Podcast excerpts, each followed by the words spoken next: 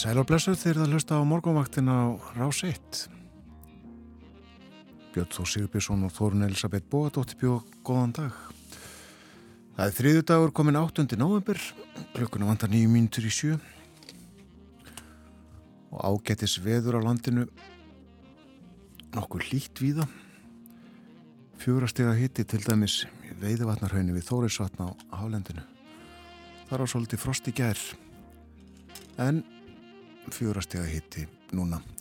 Og sjö gráður í Reykjavík klukkan 6 í morgun. Hægur vindur, skíjað fjórastega hitti á Kvanneri og 2 metrar. 5 gráður í Stikkishólmi og 3 metrar á sekundu lítilsáttar rigning aðeins kvassara á vestfjörðum 9 metrar bæði á Patrísfjörði og í Bólungavík og hittin 5 og 6 gráður 60 hitti líka á Holmavík, fjóri metrar, norðanátt þar, fór í 11 í mestu kviðu. Einstíks hitti á Blönduósi og 2 metrar, 5 stig við Söðanesvita, 11 metrar þar, fór í 19 í mestu kviðu. 5 stig hitti á Akureyri og nánast logn. 5 gráður á Húsavík, hægur vindur. 5 gráður á Rauvarhöfn, 8 metrar. 5 gráður á Skeltingstöðum, 11 metrar á sekundu fór í 21 metra í mestu kviðu. Og fimmstega hitti á eigilstöðum þar var lítilsáttar súld fyrir 50 mínutum 8 metrar. Og sjöstega hitti á höfni Hortnafyrði og 6 gráður kvískerjum 10 og 11 metrar þar. Og þar á eftir að kvessa í dag förum betur yfir það á eftir 6 gráður á kirkjubæðaklaustri 7 á Stórhauðaði Vesmanauðum 16 metrar fór í 27 og 6 steg að hitti í Árnesi 8 metrar. Og eins og áður sagði 4 steg að hitti við Veiðvatnarhraun einstigs hitti bæði á Káranhjúkum og Hverjavöllum en einstigs frost og sandbúðum springisandi logn þar. Og veður horfurnar Suður af landinu liggur víðóttu mikil lægð og hún færir okkur stífa norðaustanátt í dag með vætu víða. En það verður þurft um landið suðvestanvert og líklega bjart með köplum. Það má gera ráð fyrir norðaustan 10 til 18 metrum á sekundum með morninum en 15 til 25 um tíma á suðausturlandi. Það verður kvassast í öræfum og uh, þar er gul viðvörun í gildi fram á kvöld til klokkan 6 vegna þessa kvassviðris og það getur vindur farið í 35 metra á sekundu eða meira í öræfum. Þessi viðvörun tók gildi núna klokkan 6 og gildir sem fyrir segir til klokkan 6. En á morgun þá bætir í vindin norðvestan til og verður all kvass eða kvassvindur þar næstu daga með slittu hægari vindur, annar staðar norðaustlæg átt 3-10 metrar á sekundu og víða væta. Þó er þér úrkomi lítið sunnan til.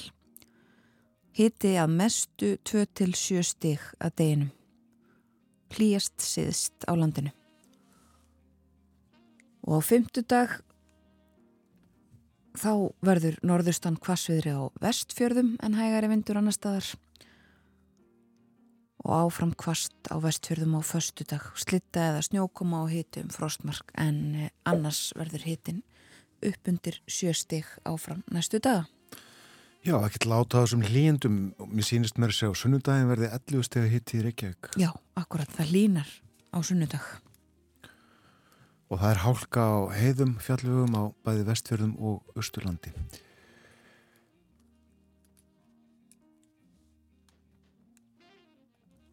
Fáur á ferli hefur til að mynda enginn farið eh, á síðustu tímyndum um uh, Suðurlandsveg, uh, Örafi og Nágræni en uh, 13 bílar fóru þar um í nót. Ég er enþá jafn heitlaður að þessum nýja vegagerðarnar umferðin.is þar sem að alls konar upplýsingar er að finna. Það er ímislegt á darska hjá okkur á morgunvaktinni í dag. Þóruðsnar Júliusson verði með okkur eh, líka Artur Björgun Bodlason og svo kemur til okkar lögmaður, ég eh, allavega eins þeirra hælisleitenda sem að vísa var á landi í síðustu viku. Já, Klátja Vilsson verðum með okkur upp á klokkan hálf nýju. Og uh, Bergþóra Árnadóttir er með okkur líka.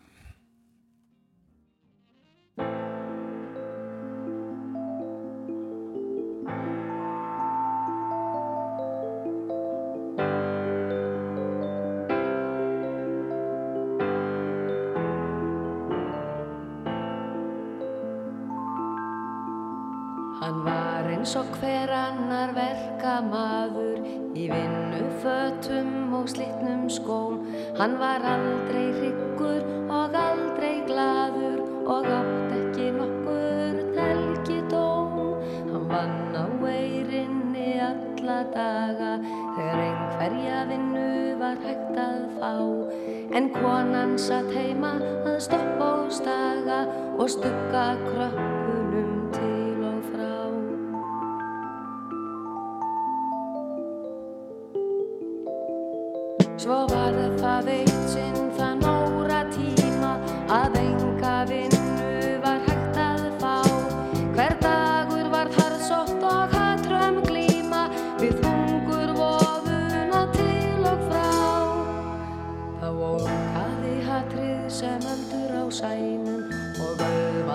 harðstjórum ristu þeir nýð og loksins kom að því þeir börðust í bænum um brauð handa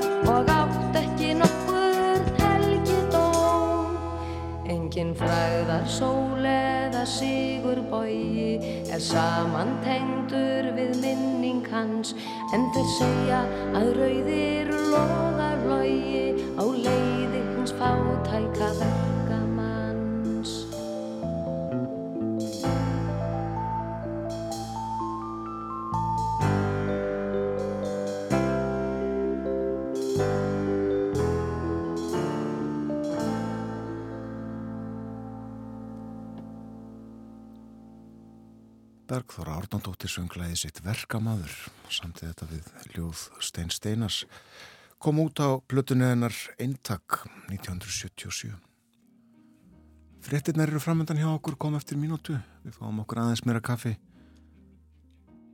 Og förum ítalega yfir dagskrá þáttanins þennan morgunin strax að fréttum loknum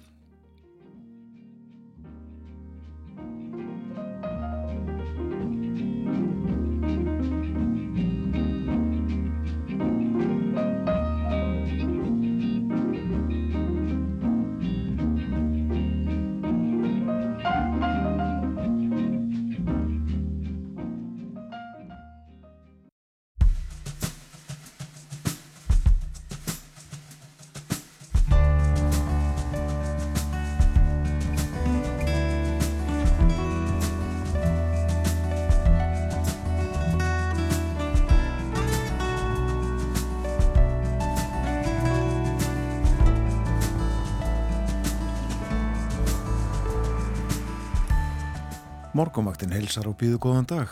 Í dag er þriðu dagurinn 8. november. Brottvísun 15 einstaklinga til Greiklands í síðustu viku hefur vakið undrun og reyði í samfélaginu. Sumir þessara einstaklinga áttu að fá úr málum sínum skorið fyrir domstólum í þessu mánuði. Þeirra á meðal er Hussein Hussein, ungur fatlaður maður frá Írak. Í dag kemur í ljóskort Íslenska ríkið hyggst flytti hann aftur hinga til land svo hann fáið að gefa skýrslu fyrir dómi. Claudia Asjani Wilson er lögmaður mannsins. Hún kemur til okkar klukkan hálf nýju og ræður um brottvísanir og alþjóðlegar skuldbindingar Íslands í flótamannamálum. Góða samgöngur til og frá landinu eru nöðsynlegar. Íslenskar vörur þurfa að komast á markaði ytra og erlendar hingað og sama máli gegnur um fólk. Það er því mikilvægt að flutningafyrirtækin í lofti og sjó hafi burði til að þjónusta land og þjóð. En hvernig standa þau? Hvernig gengur þeim? Þóruðsnar Júliusson, rittstjóri Kjarnans, bladar í árskíslum og uppgjörum í dag og við tölum líka um Marel sem hefur átt á brattan að sækja upp á síkastið. Og í Berlínarspjallið að loknum morgumfréttum segir Artúr Björgvin Bodlason okkur meðal annars frá ný brottreknum yfir borgarstjóra í Frankfurt. Borgarstjórun hefði misnotað ennbætti sitt á Ímsavegu og á endanum voru það borgarbúar sem að bóluð honum burt. Meira af þessu rétt eftir klokkan átta. Umsjónamenn morgumvaktarinnar eru Þórun Elisabeth Bóadóttir og Björn Þór Sigbjörnsson.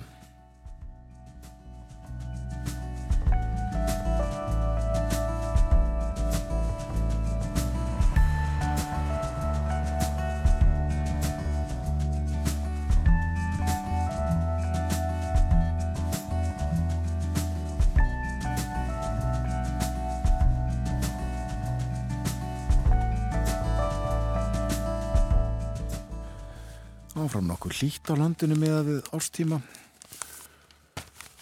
en það verður kvast og uh, sérstaklega á austurlandinu hlutalandsins þar sem að gulviðvörun er í gildi. Já, tók gildi klukkan 6 í, fyrir umröð klukkustund og verður í gildi til klukkan 6 í kvöld. Norðaustan kvassviðriða stormur þar 15 til 25 metrar á sekundu kvassast í örafum, þar má gera ráð fyrir alltaf eða jafnvel meira en 35 metrum á sekundu í mestu kviðum. Við lítum í blöðin, líf og fjöri í borgarleikusunni í gær, skrekkur er hafinn. Það er, er það ekki, já, er það hæfileika eða hæfileika keppni krakka í grunnskólum í Reykjavík? Einmitt og hagaskóli og fellaskóli komust í úrslitt eftir harða keppni segir hér á fórsíðu morgunblassis mynd af keppendum þar falli mynd nú uh, svo verður það uh, segja frá því sem að framkom í gærað hér á Íslandi fer fram á næsta ári leðtóafundur Evrópuráðsins fer fram í Hörpu 16. og 17. mæ og uh, 46 fulltrúum Evrópuríkja búið og rætt hér við fósættisráþra. Nú er búið að kynna þennan leðtúafund sem vantanlega verður stæsti alþjóðlegi viðburður sem Ísland hefur haldið frá höfðafundunum 1986, segi Katrín Jakobsdóttir. Meira að fósíða morgunblæðsins erfitt getur orðið fyrir Íslandinga sem að búa í bandaríkjunum að fá hangikjötið sitt fyrir jólinn. En yfirvöld matvæla mála hafa tilkynntum herta reglur um innflutning á kjöti og það þýðir að DHL flutningsmiðlunin treysti sér ekki til að taka við neinum sendingum með kjöti til bandaríkjana. Og uh, hér segir uh, um 1000 sendingar fara á ári til bandaríkjana mest fyrir jól, páska og þjóðatíðadag Íslandinga. Ef ekki tekst að finna aðra leiðir er ljóst að margar íslenskar fjölskyldur fá ekki jóla hangi kjötið sitt.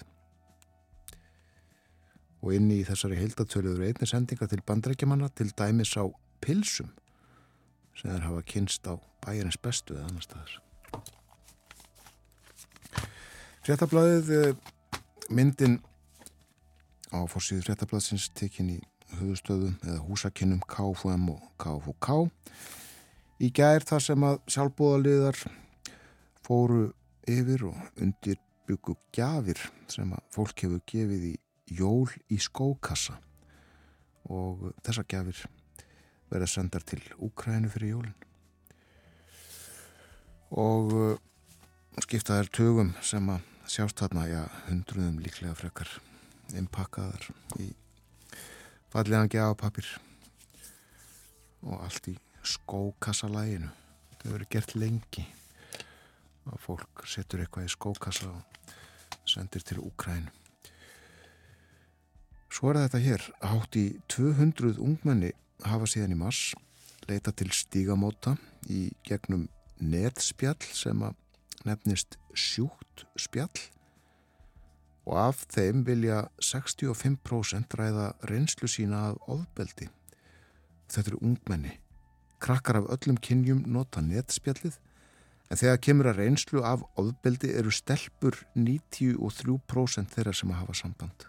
Lang oftast sem brota þólar. Og þetta segir Eigló Árnadóttir, hún er verkefnistýra fræðslu og forvarna hjá stígamótum. Þetta er uh, sláandi. Eh, Sangan tölum stígamóta þá eh, verða 70% þólenda kynferðisofbeldis fyrir ofbeldinu fyrir átjónar aldur. Og eh, fæst segja frá fyrir hann á fullorins aldri. En þessu úlingaspjalli er ætlað að mæta þessum vanda. Oftast er kynferðislegt ofbeldi til umræðu. En stór hluti óskar einni eftir samtali um andlegt ofbeldi í ástarsambandi. Og Eigló segir bladamanni frá einu samtali eða aðtúðasamt sem hefur borist. Og stúlkan segir þetta er svo skrítið. Ég hef ekkert til að vera först við hann ekki barn eða húsnaði, húsnaði en samt líður mér först það hljóma svo auðvelt að fara en er það ekki? Og þarna við að ræða sannsagt úrlinga Áðurum við förum til uh, útlanda og þá kannski engum til bandaríkjana, kosið bandaríkinum í dag. Þá lítum við hér á bæjarins besta. En björgunabáturinn Koppi Láka í Bólungavíkur kom með haffærniskýrtinni. Og það staðfestir Birgir Loftur Bjarnason sem er formaður björgunasveiturinnar Erdnis. En Koppi Láka kom til landsins frá Noregi 18. júli og þegar leita var eftir skráningu komi ljós að báturinn er ekki búin sérstökum búnaði til sjálfréttingar og því fjækst ekki skráning hjá samgöngustofu. En fyrir helgi fjækst hafferðniskýrtinni til 6 mánada og björgunabáturinn því loks löglegur ef til útkalls kemur. Og nú hefur dósmálar á þeirra ákveða að endur skoða reglugerð um þessi mál.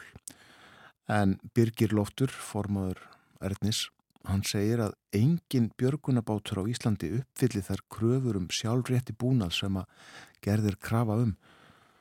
Og það get ekki gengið að aðeins koppa láka sín eitt aðeins skráningu. Annarkort eigi allir að uppfylla reglugerðina eða engin. Og uh, Birgir bendir á að koppi láka, hann var með gild haffærniskýrtinni í Núri, strangari reglur hér sem sé heldurinn í Núri. Og Östufrétt segir frá því að uh, núverandi áallanir gera ráð fyrir að eiginlegur gröftur fjardarheðarganga hefjist í april eða mæ á þarnasta ári 2024 og þau að vera tilbúin fyrir almenna umferð stemma árs 2030 og það er viðbúið að mikið þurfið að leggja í styrkingar vegna veikra berglaga líkt og í öðrum jargöngum á Östurlandi og þessi rétt uh, skrifuð eftir erindi sem að Mattias Loftsson jarðverkfræðingur hjá mannviti flutti á degi verkfræðinar á dögunum. Og sagt ítarlegar frá, frá á uh, vef Östurfrettar Og jú, við förum aðalega til bandaríkina í Erlendum frettum dagsins. Það er uh, fjallaðum bandaríkin kostningarnar þar á forsýðum víða annar staðar. Það er uh, sama hvort að litið er á forsýðunar sem við skoðum í Danmörku, Nóri, Svíþjóð eða Fraklandi til dæmis. Uh, þar er umfjallanir um uh, stöðumála í bandaríkjunum um kostningarnar þar. Það er þó líka og við ætlum aðeins að byrja þar fjallaðum um loftslagsráðstefnuna sem heldur áfram í Egiptalandi talaðum uh, um hana og uh, fjallaðum ímsar ræður og, og umræður í tengslum við uh, við það. Kostnaðurinn og og ímsir ímsir að halda ræður og, og, og tala um þessi mál áframhald á þessum um, umræðum sem við nefndum hér í gerðmorgunum um það hverjir eigi að borga og hvað eigi að borga til þess að reyna að takast á við uh, loftslagsvandan í heiminum. Og Rishi Sunak fórsetis á þeirra Breitlands, hann uh, er í Egithalandi eins og við nefndum í gerðmorgun og rætti þessi mál uh, talaði meðal annars um að það væri siðferðilega rétt að breytar standi við gefin lovorð í lofslagsmálum um, talaði þó ekkert um að uh, borga bætur. Og uh, hann fjallaði líka um að uh, vegna stöðumála í Úkrænu væri ástæða til þess að það væri sérst ástæða til þess að standa við áform um uh, aðgerðir í loftslagsmálum og þá þurfum við að uh, grípa til aðgerða strax. Og yfir menn hjá saminuðu þjóðunum haldið áfram að uh, svona með sínar sterku viðvaranir. Þekkjum um, svona stundum talaðum highway to hell, hraðbröð til helvitis og það var talað um að það væri við værum á hraðbröð til loftslags helvítis í gær. Og uh, gert ráð fyrir því að jörðin hlínu um 2,8 gráður og Celsius fyrir næstu aldamót en það þarf að grýpa til mikill aðgjara til þess að til þess að uh, komi vekk fyrir það. Og uh, Rissi Súnak er á forsiðunum á breskublöðunum hann í faðmlugum við Emmanuel Macron fraklandsforsetta þeir komist að einhvers konar samkominnlægi eða eru að komast að samkominnlægi er sagt um, um, um móttöku og sagt, meðhöndlun á, á fólki sem reynir að komast til Breitlands til þess að óska þar eftir hæli og vernd. Um, sagt frá því að þeir séu sagt, og, og ríkin séu að komast að samkominlægi um uh, hvernig eigi að, eigi að uh, standa að þeim málum. Um, margir sem að fara yfir frá Fraklandi og til Breitlands en uh, já og þaðan til bandaríkjana það er fjallaðum kostningarnar viða og meðal annars á fórsíðun á New York Times. Þar er aðal fréttin á fórsíðunni af uh, þessum Eva sem hefur verið sáð í hugum banderskra kjósenda uh, um lögumæti kostningana þekkjum þetta frá því fyrir tveimur árum síðan og uh, það er ekkert lát á umræðu um það að það eigi sér stað kostningasvindl um, ímiskonar í bandaríkjunum um, ótti sem að eh, hefur haft alls konar áhrif eh, vaksandi líka hætta og ógna af eh, alls konar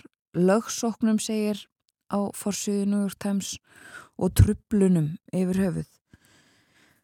Það hafi sérsagt eh, til dæmis þurft að stöðva vopnaða aktivista í Arizona sem hefði verið að fylgjast með því hvernig staðið var að fluttningi kjörgagna, kjörkassa og það sé verið að efast um skráningu 20.000 kjósunda í Georgiu.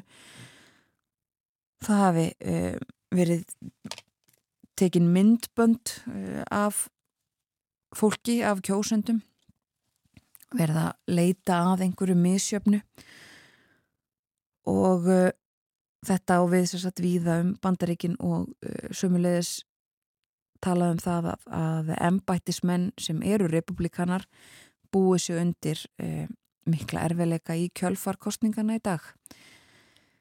Það hefur verið uh, elvd öryggiskesla mjög víða og uh, frambjóðendur republikana víða um landið líka haldið áfram að íta undir þessar, uh, þessar ásakanir þennan óta fólks og uh, verða undirbúa, já, alls konar málsóknir til þess að uh, til þess að já, bara í þessum tilgangi og og það hafa nú þegar 40 miljónir bandaríkjamanna kosið. En það hefur gengið vel segir hér en að svona spennan yfir þessu öllu saman sé áþreifanleg. Það er um, já, 40 miljónir búnar að kjósa og talað um það viða að þetta muni uh, að einhverju leiti ráðast af því hversu góð kjörsóknin verður í dag. Joe Biden bandaríkjafórsiti og uh, Trump fyrverandi fórsiti báðir verið um, á faraldsvæti í kostningabaratunni að uh, reyna að hjálpa til. Joe Biden uh, haldið sér svona í örugum demokrata ríkjum. Hann var í Mariland í gerðkvöldi og uh, í gerðdag þar sem að líkur er á að fyrsti, fyrsti ríkistjórin af afrískum uppruna verði, verði kjörin og hann hefur verið í Kaliforníu, í Illinois og í New York sem eru öll talin svona blá ríki þó að uh, staðan sé misjöfn. Og Donald Trump var í Ohio í gær og uh, bóðaði þar stórtíðundi um miðjan mánuðin, hann ætlar að halda einhvers konar fund heima hjá sér í Flórida í Mar-a-Lago um miðjan mánuðin og það er búist við því að hann ætli að tilkynna um fórseta frambóð sitt þó hann hafi ekki gefið það neitt formlega upp. Og lengi verið kvíslaðan um það. Já og hann í aða því e, og, og fólk í kringum hann. En e, hann sér satt og það hefur verið talað um að þetta komi í ljósemitt bara strax í já, þessar eða næstu viku. Og nú hefur hann svona gefið þessu en frekar undir fótinn. Og uh, við fylgjumstu þetta með þessu í dag og uh, ræðum stöðumála uh, hver svo sem hún verður í fyrramálið á morgumvaktinni Ég var að hlusta á smó tónlist? Heyrum í Bob Dylan Lay Lady Lay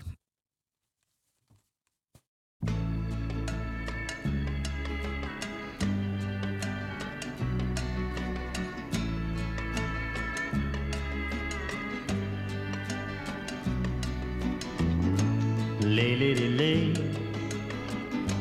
lay across my big brass bed.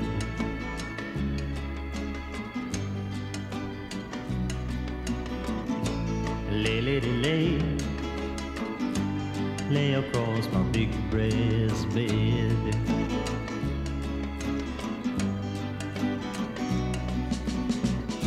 Whatever colors you have in your mind I'll show them to you and you'll see them shine.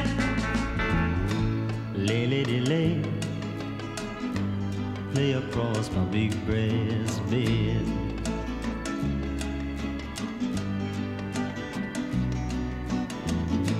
Stay, lady, stay, stay with your man a while.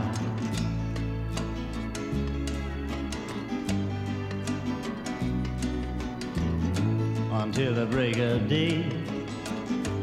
Let me see you make 'em smile.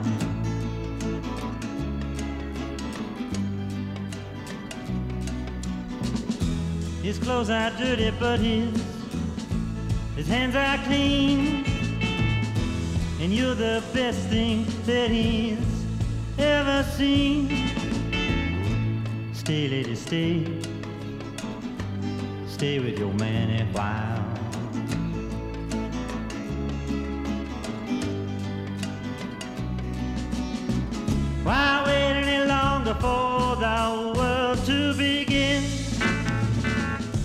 Can have your cake and eat it too. Why wait any longer for the one you love when he's standing in front of you? Lay, lady, lay, lay across my big brass bed.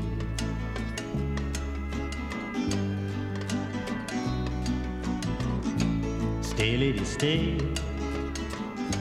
Stay while the night is still ahead.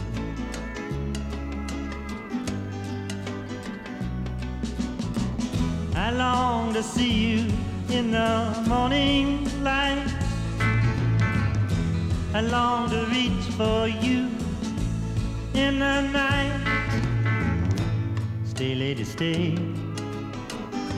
Stay while the night is still ahead.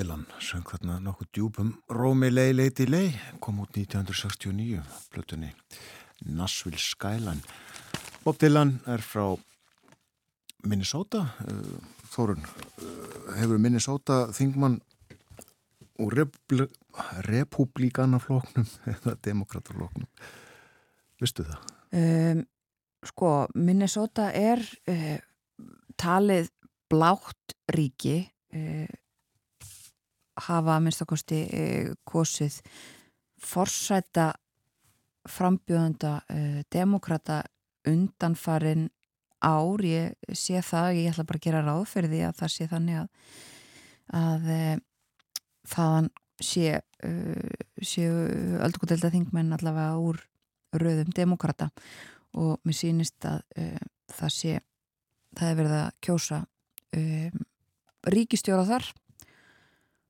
Og samkvæmt könnunum að þá er frambjóðandi demokrata með töluvert forskott á uh, frambjóðanda republikana en uh, sínist ekki endilega verið að fara að kjósa um öldugotelda þingmenn þaðan. Það er að kanna þetta eitthvað nánar. Já. Það líður að frétta yfir liti hjá okkur eftir það. Verið Þóruðsnar Júliusson Rittsjóri Kjartans með okkur. Við ætlum að fara yfir uh, afkomu nokkra fyrirtækja íslenskra. Hvernig gengur hjá flugfélagunum til að mynda? Play og Æslander. Já, skipafélagunum. Ymskip er í kaupöllinni en samskip ekki. En við týnum til það sem við vitum og við ætlum líka að tala um Marel. Ræksturinn á þeim bænum. Svo minn ég á að Artó Björgun Bodlason verður með okkur eftir morgun 13. klukkan 8 og hann segir okkur frá ymsu uh, meðal annars frá borgastjórunum í Frankúrt sem að þurfti að taka pókansinn. Borgabúar kusan burtu. Sérkennlegt fyrirkomlag sem við þekkjum nú ekki hér en Artó Björgun segir okkur betur frá og eftir.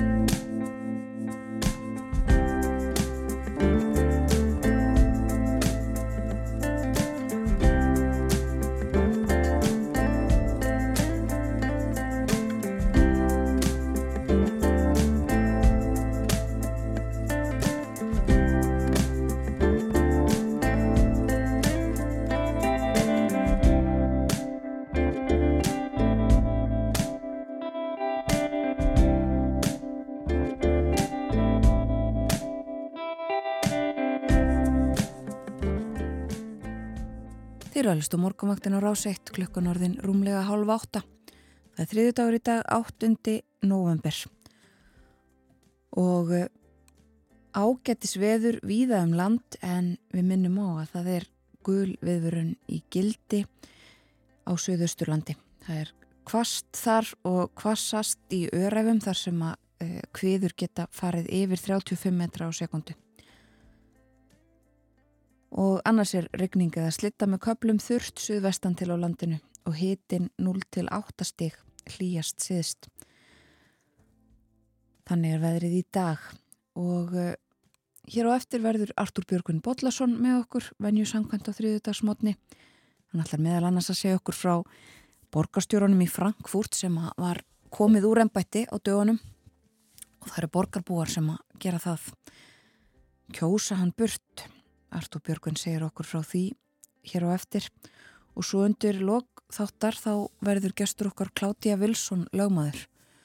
Hún er lögmaður nokkura þeirra sem var vísað úr landi til Greiklands í síðustu veku og uh, hún ætlar að koma til okkar og ræða um þau mál, uh, fer fyrir dóm að ræða þessi mál síðar í dag. Þá kemur í ljós hvort að Íslenska ríkið ætlar að beita sig fyrir því að, að hleypa eða uh, flytja aftur til landsins einn þessara einstaklinga sem hann nú er í Greiklandi til þess að hann fái að gefa skýslu fyrir dómi hér á landi. Það voru nokkrir sem ekki hafðu fengið endanlega úrlöst sinna mála fyrir dómstólum.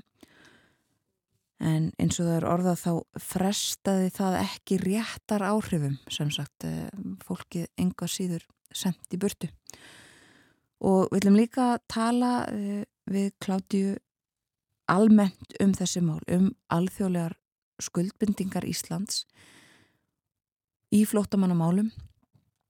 Hún eh, hefur mikla reynslu af, af þessum málum uh, sem lögmaður og við viljum að ræða þetta. Þetta er mikið verið til umfyllunar í samfélaginu síðustu daga.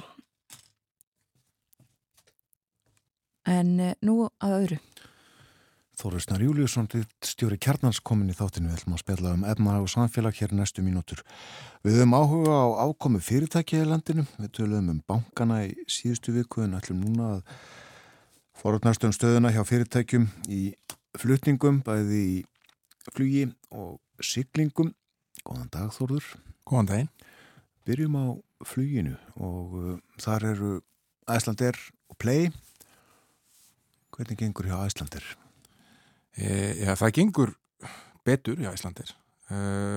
Íslandir e, hagnaðist um 7,7 miljardar á þriðja ásfjórungi sem e, stendur e, þryggja mánatímabil sem líkur í lok september og þetta er stærsti ásfjórungur í starfsemi flugfélagana eða málsins sangvætt þar sem hann er yfir bæði júli og ágúst sem eru stóru mánuðinir í, í flugi uh, og Uh, þessi uh, ásfjórungur kemur auðvitað í kjölfarið af ansi langvinnum taprekstri munum það að Íslandir hefur meira og minna verið að tapa peningum frá 2018 tölvett fyrir korunveiru uh, faraldurinn töpuðum 80 miljörðum á fjórum árum og, og, og hlutafar gáðu eftir eða, eða voru þindir út í hlutafjóraukningu eh, eins og við munum hér í, í kórnuveru faraldunum, það snýrist nú margt svona á efnagslegu hliðinni eh, um það að bjarga Æslandir hérna á, á, fyrstu mánuðum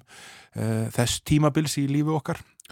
Emitt og, og enn til útbóðs á hlutafjó, fjöldi fólks kefti breyfi fyrirtekinu?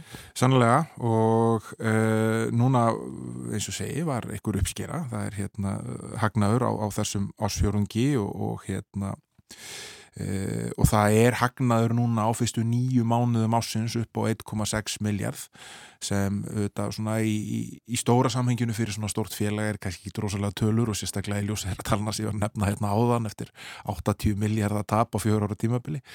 En, en auðvitað jákvæð þróun að, að, að félagi sé komið á þann stað að sé réttu með við. Svo hefur við auðvitað eftir að sjá hvernig síðast í ásfjórungunum fer. Það eru alls konar áskorunir sem blasa við flugfélugum uh, það er heimsmarkasverð og olífur en þó hátt. Uh, það hefur verið rakið hér og, og við annar staðar að svona ferðaviljin hann byggi sem hefur verið, hann hefur uppsapnaður eftir kórnveru faraldurinn og fólk var líka að ganga á spartnað sem sapnaðist upp þegar gati ekki eitt í neitt annað, það var loka þegar fólk var að ferðast innan hús eins og við hérna kannski reynum að gleima en, en munum samt. Uh, og uh, hversu hver verður geta fólks til þess að ferðast núna og síðast ásjónungi þess ás og, og á næsta ári? Það er óvisa í kringum það og það hefur áhrif á, á, á þetta gengi. En, en hérna ég held að, að það verði að segja að það sé uh, svona með að við hvað Æslandi tókst að rampu upp er jöku uh, flugframbóðið á þrjá ásverðungi var over 82% af því sem það var á sama ásverðungi 2019 uh, og síndi það að félagi gatt þá farið mjög hratt í það að taka upp það umfang sem það hafiði áður eftir að, að koronaviru faraldunum uh, laug uh, að þetta séu uh, jákvæði tíðindi. Já, og er þetta að segja að Æsland er standi styrkum fótum? Já, sjóðstafan hjá Æsland er góð. Hún er svo besta frá stofnun félagsins en það er auðvitað vegna þess að það hefur verið settið miklu fjármunir inn í félagið og það svona náði að fara í ákveði svona dvalarham uh, á meðan uh, mestu afleggingarnar stóðu yfir uh, en það eru auðvitað, eins og ég segi, bara heilt yfir miklar áskorunir sem eru framundan í í fluggeiranum, það eru það er vesen víða Já, þar. Það er rétt. Æsland eru þetta 75 ára gammalt félag þar um bil, öllu yngra er play.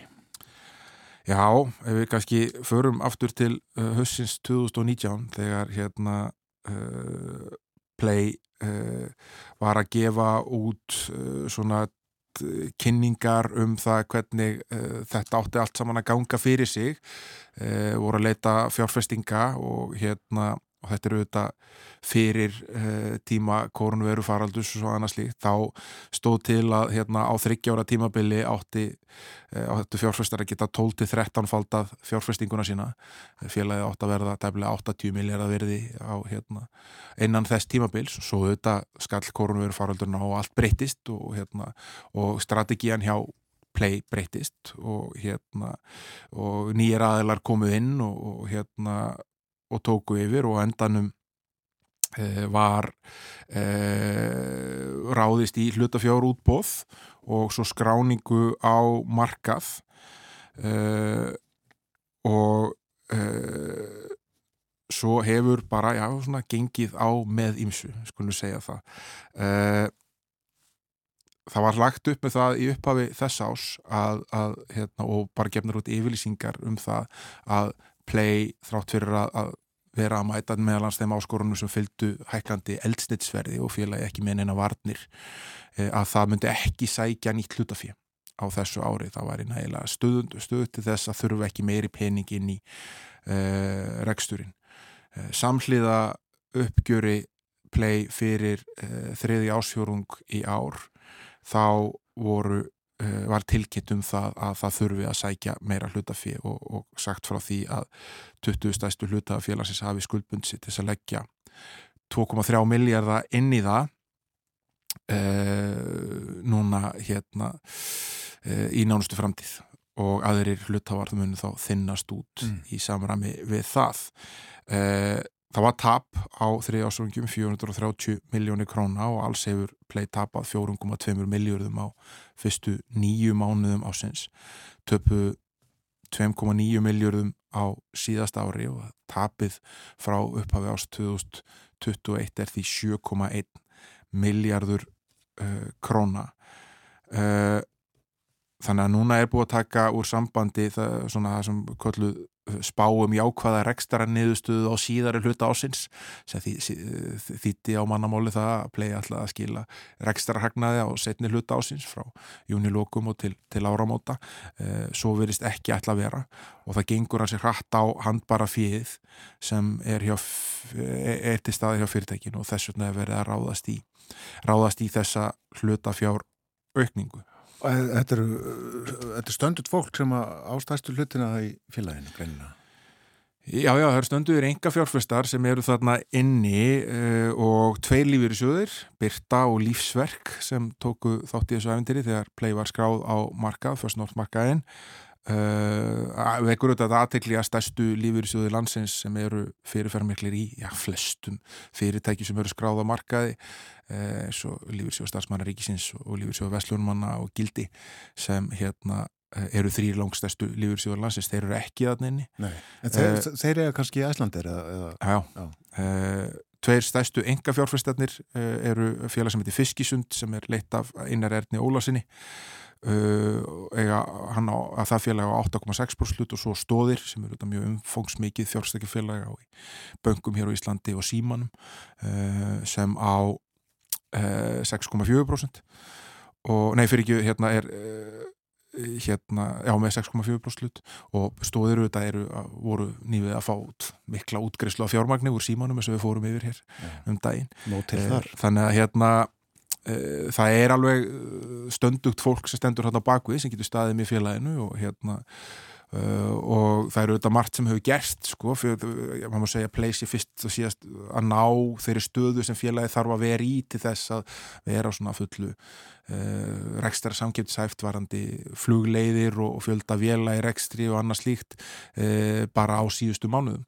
Þannig að hérna svona söluræðan er svo að, að, að nú sé play komið á þann stað að, að hérna, geta sótt af fullir alvöru og, og, og og fjárfærstarnir sem eru standa baku þeir eru stáð að trúa því. Já. en þetta eru haft auðvitað mikil áhrif á hlutabræðverðið í play. Það uh, var í oktober í fyrra var það orðið 29,2 krónur á hlut. Þá var markasverðið ja, yfir 20 miljardar uh, í gær var það komin í 13,8 krónur á hlut, það er meir en helmingast það hefur aldrei verið læra og er núna undir 10 miljórum eða 9,7 miljórar. Og mikil viðskipti með bleið? Nei, þetta voru rosalega lítil viðskipti, núna allan að síðustu dag ég viðkynna að ég vakta ekki viðskipti með bleið á hverjum degi en fylgst með því svona eftir að þessar tilkynninga komið í síðustu viku og þetta er nú ekki mjög stór viðskipti sem eru að reyfa hlutabræði verði svona mikið, þetta eru nokkru 20 miljóna. En uh, hjá Æslandir? Æsland er uh, Allsvo eru er, er mikil viðskipti með bríði félagin Það eru meiri, tölvöld meiri á eðlilega. Æsland er þetta félag sem er skráð á aðalmarkað og með mjög margar hluttáa þannig að hérna, fjöldi viðskipta uh, er eðlilega miklu meiri. Eins og þú myndist á áðan það eru þetta margi sem tóku þátt einstaklingar sem tóku þátt í hérna, hlutafjórútbóðinu hjá Æslandir þannig að það er hérna, það likur eiginlega í hlutarins eðli að, að það eru mjög mun tíðari viðskipti. Já Uh, já, þau eru ekki á sama markaði í kaupullinni. Æsland er á þessum aðalista en, en heitir hann ekki First North? Já, plegir á, á, á svona litla markaðunum First North já. markaði sem er fyrir, ætlaður fyrir svona vaksandi og nýskupuna fyrirtæki og annars litt. Einmitt. Tölum þá um eimskipafélagið. Færum okkur úr loftinu og sjóin. Já, eimskipafélagið þetta er á þeim markaði sem uh, kannski uh, allan að svona tekjulega séð hefur uh, uh, hagnast mjög vel af því ástandi sem hefur ríkt. Það er að segja fluttningskostnaður hefur aukist umtalsveit verðið sem hægt er að innheimta uh, fyrir fluttning uh, hefur aukist tölvert og það sést á síðastu uppgjörinu hjá, hjá Eimskip að, að tekjur félagsins á fyrstu nýju mánuðum ásins 2022 voru 30% herri í efrumtalið en á sama tímbili fyrra.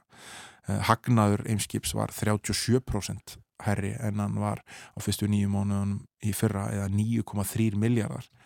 Eh, þannig að hérna, þetta er venjulega sterkasti ásfjörðungurinn, þriði ásfjörðungurinn hjá, hjá þeim eins og í fluginu Uh, og, og almennt mjög sterk afkoma uh, hjá félaginu á allan hátt.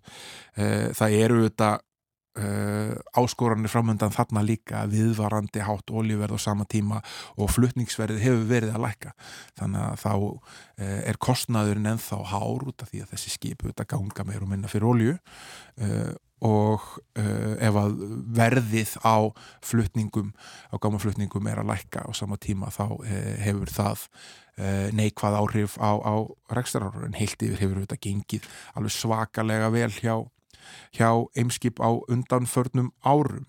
Eimskip hefur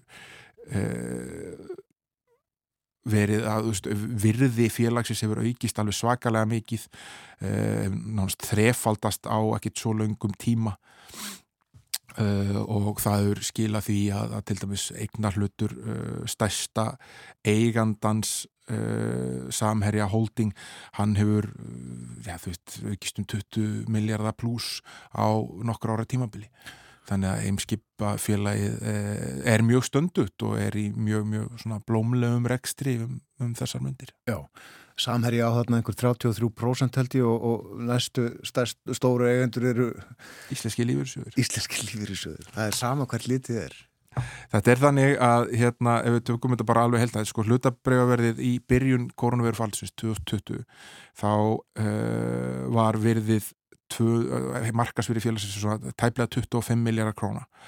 Uh, það er núna yfir 90 miljardar tæplega 91, þannig að það verður aukist um svona tæplega 21-22 miljardar króna á, á því tímabili og um, um, um þriðjungur þeirra uppaðar uh, svona tæplega Uh, nei, fyrir ekki aukistu 66 miljardar króna og tæplega 22 miljardar að því hefur lent hjá samherja holding sem á tæplega þriðungi ymskip Eimskip í kaupöllinni en uh, það er hins vegar ekki samskip, uh, það er bara Ólafur Ólafsson eða ekki sem á samskip. Jú, rétt og samskip er, er uh, bara enga fyrirtæki og er ekki skráð á markaði eins og segir og hérna, þannig að það ligg ekki fyrir tölur um hvernig reksturinn á árunnu 2022 hefur verið hjá samskip. Nei, en það er stort félag. Það er reysa stort og þessir, og þessir tvö félag eru þetta hérna, fluttningsæðar ásand flugfélagunum, fluttningsæðar eigunar sem við búum á við, til og frá landinu.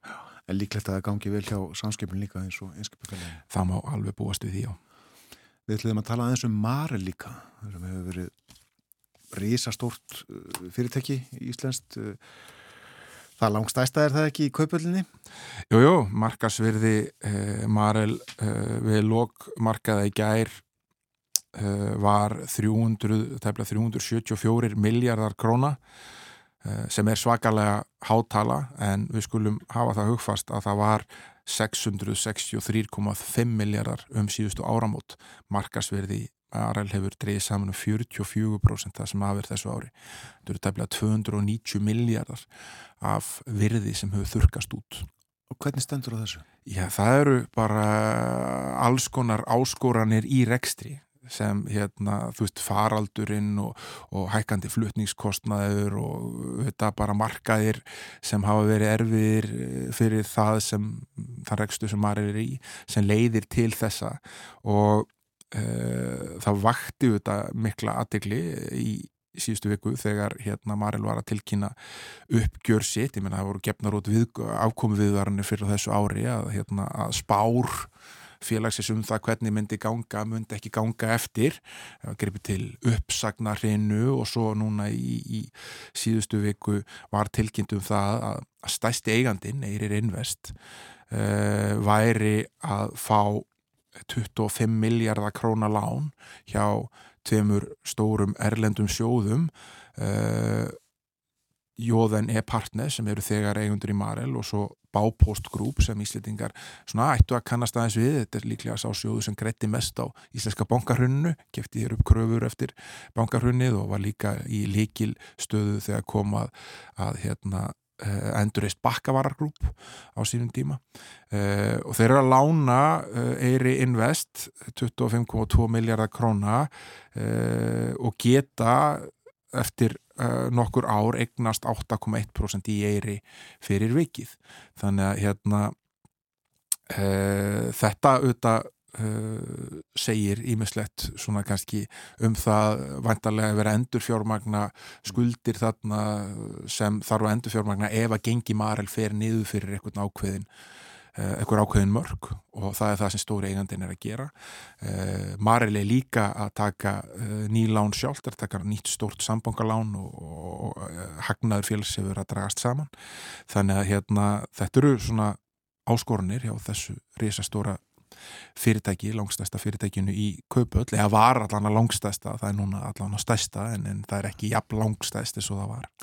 Eiri eiga uh, Þorður Magnússon uh, fjárfestir og, og sonunars Árni Óttur sem er forstjóri Marel. Ekki að öllu liti, það er sko uh, Eirir er í eigu mun fleiri aðila, ég meina landsbankin við eigum til dæmis hluti í Eiri óbyrnan hluti í Marel þá og þetta er mikið áhrif á gengi landsbankans. Þetta, hérna, uh, þessi, þetta verðfall á, á brefum í Marel það hérna, er ástæðan fyrir því að hagnaður landsbankans er miklu minni en hagnaður hinnabankana það sem aðverð þessu ári þannig að hérna, það eru, og lífyrirsjóðir líka það er inni, sko, inni í eiri en þeir eru langstæstir, það er rétt föðgarnir En er útlitt fyrir að félagi rétt úr kútnum?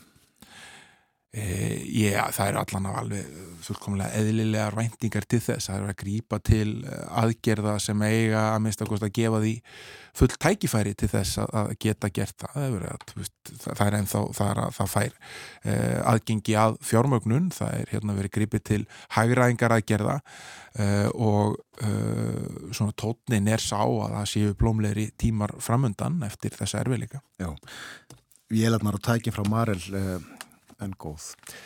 En uh, við höfum talað um flutninga hérna, þetta er að spyrja, flytjum við ennþá eitthvað inn frá Rúslandi?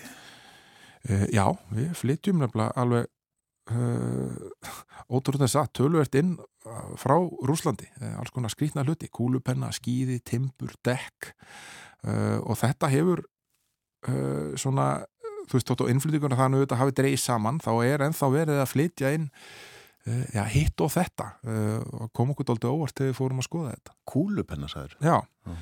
það er hérna blómlegur kúlupenna kúlupenna framlegsla í Rúslandi og, og markaður fyrir rúsnesku kúlupenna hér á Íslandi. Má eiga viðskiptu við Rúsland?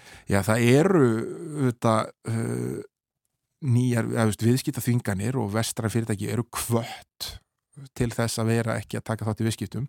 Uh, þetta er ekki alveg svona hvít, svart og hvít eins og það sé ekki hægt að eiga í viðskiptum. Og við eigum þótt að sko kannski stórilutin er það að vera held, veist, uh, líka ekki að selja vörur inn á rúslandsmarkað sko. Og þar hefur útflutningur nokkað til Rúslands hefur dreigist verulega saman, hann er bara 2% af því sem hann var uh, núna veist, á meðaltali í fyrra Eitthvað þó? Já, uh, og það er aðalega niður svo en fiskilifur sem við erum að selja inn á rúslandsmarkað uh. þannig að þau við eigum eða þó í viðskiptu við rúsa en hérna, þau eru takmarkaðri en það er, mér fannst þetta bara svo aðtiklisvert hvaða er sem við erum að kaupa og veriðst vera hérna, að Íslandika get ekki verið án það er að segja, kúlupennar, skýði, timbur, dekk þetta þurfum við að fá frá Rúslandi hér í blá lokin, eh, það er vona á Íslandsbanka skýslunni frá Ríkisendurskoðun í vikunni eða ekki? Jú, ég held að, hérna, að það verði eftir mjög varfarnar yfirlýsingar Ríkisendurskoðunda þegar hann hefur spurður um þetta sístu mánum þá hérna, er ekki hægt að tólka nöru sem það að við fáum hann að fyrir vikulokk. Takk fyrir í dag, Þóruð Snarri Júliusson. Takk.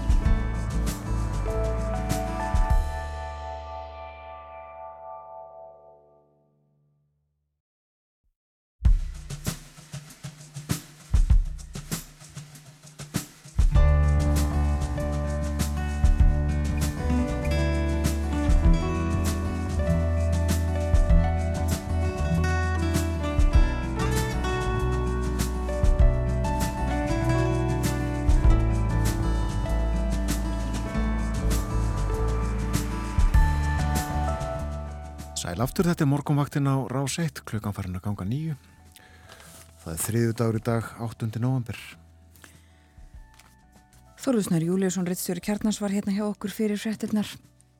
Rætti aðalega stöðu uh, flutningafyrirtækja. Fyrirtækin sem að flytja fólk og vörur ímsar, flugfélagin og skipafélagin, afkomi þeirra og rétt í lokin þá töluðum við um uh, útflutning og innflutning frá og til uh, Rúslands. Við erum ennþá að flytja hingað inn ymsa uh, vöru frá Rúslandi meðal annars kúlupenna. En bara eitthvað já smottir í þó. Já og uh, útflutningurinn hann hefur uh, rapað. Það er mjög lítið sem er flutt út hérðan til Rúslands. Stökur lifur. Já. Og Við minnum á það hér á eftir verðum með okkur Klátja Vilsson lagmaður. Við ætlum að ræða um uh, mál 15 hælisleitenda sem voru sendir til Greiklands í síðustu viku og sömuleiðis uh, um þessi mál í, í starra samhengi. Klátja lagmaður nokkur af þessara einstaklinga sem að nú eru í Greiklandi og síðar í dag þá fer hún fyrir hérastóm að uh, ræða þessi mál. Já. Við erum komin í samband við Artur Björgum Bodlason í Berlín. Heil og sæl og góðan dag. Góðan dag. Allt í sóma í Þískalandi, Þísku höfuborginni? Já, já, hér skýn sóli heiði og vorið heldur áfram. Meðan júni fæmi meðan nógumber, þannig að við mennum almennt sáttir hér með allt. Já. já. og við hér á höfuborgarsvæðinu sátt við sjögráðunar hér og þetta líka, rétt að nefna það. En uh, fólk er mismunandi ánatt með stjórnmálamennina sína. Uh, kaust á svo sem í, í kostningum en svo kannski gera þær eitthvað sem að, að fólk er óanægt með og vildi helst losna við á en það er nú ekki hlaupið að því. Og hvað sem að segja þetta? Jú, uh, það er hægt að losna við stjórnmálamenn í Þýskalandi með tilteknum hætti. Jú, jú, það er mikið rétt og uh, það má nefna, það er svo ekki á hverjum degi sem að yfirborgarstjóri í Þískri Stórborg þarf að taka pókan sinn vegna vannræðsklu eða, eða afklappa í starfi en það gerði sinns vegar nú um helgina þegar að Peter Feldmann sem hefur verið hæstræðandi í borginni Frankfurt á bökkum árunna mæn í fylginu Hessin, er dæmdur til þess að láta af embætti. Og eh, eins og nefndir þá var það svolítið merkilegt hvernig það gerði því það var ekki borgarstjóttin sjálf sem vekunum úr starfi heldur íbúðarnir í Frankúrt og eh, tildrög þessa nokkuð óvinnulega máls voru þau að í februari fyrra þá hafðaði saksóknar í Frankúrt mál gegn Feldmann fyrir að hafa gert sig segan af það sem heitir á þýsku lagamáli fortælsname og mætti kalla á íslenska að misnota aðstöðu sína en á venjulegu mannamáli er nú bara yfir kalla spilling Já.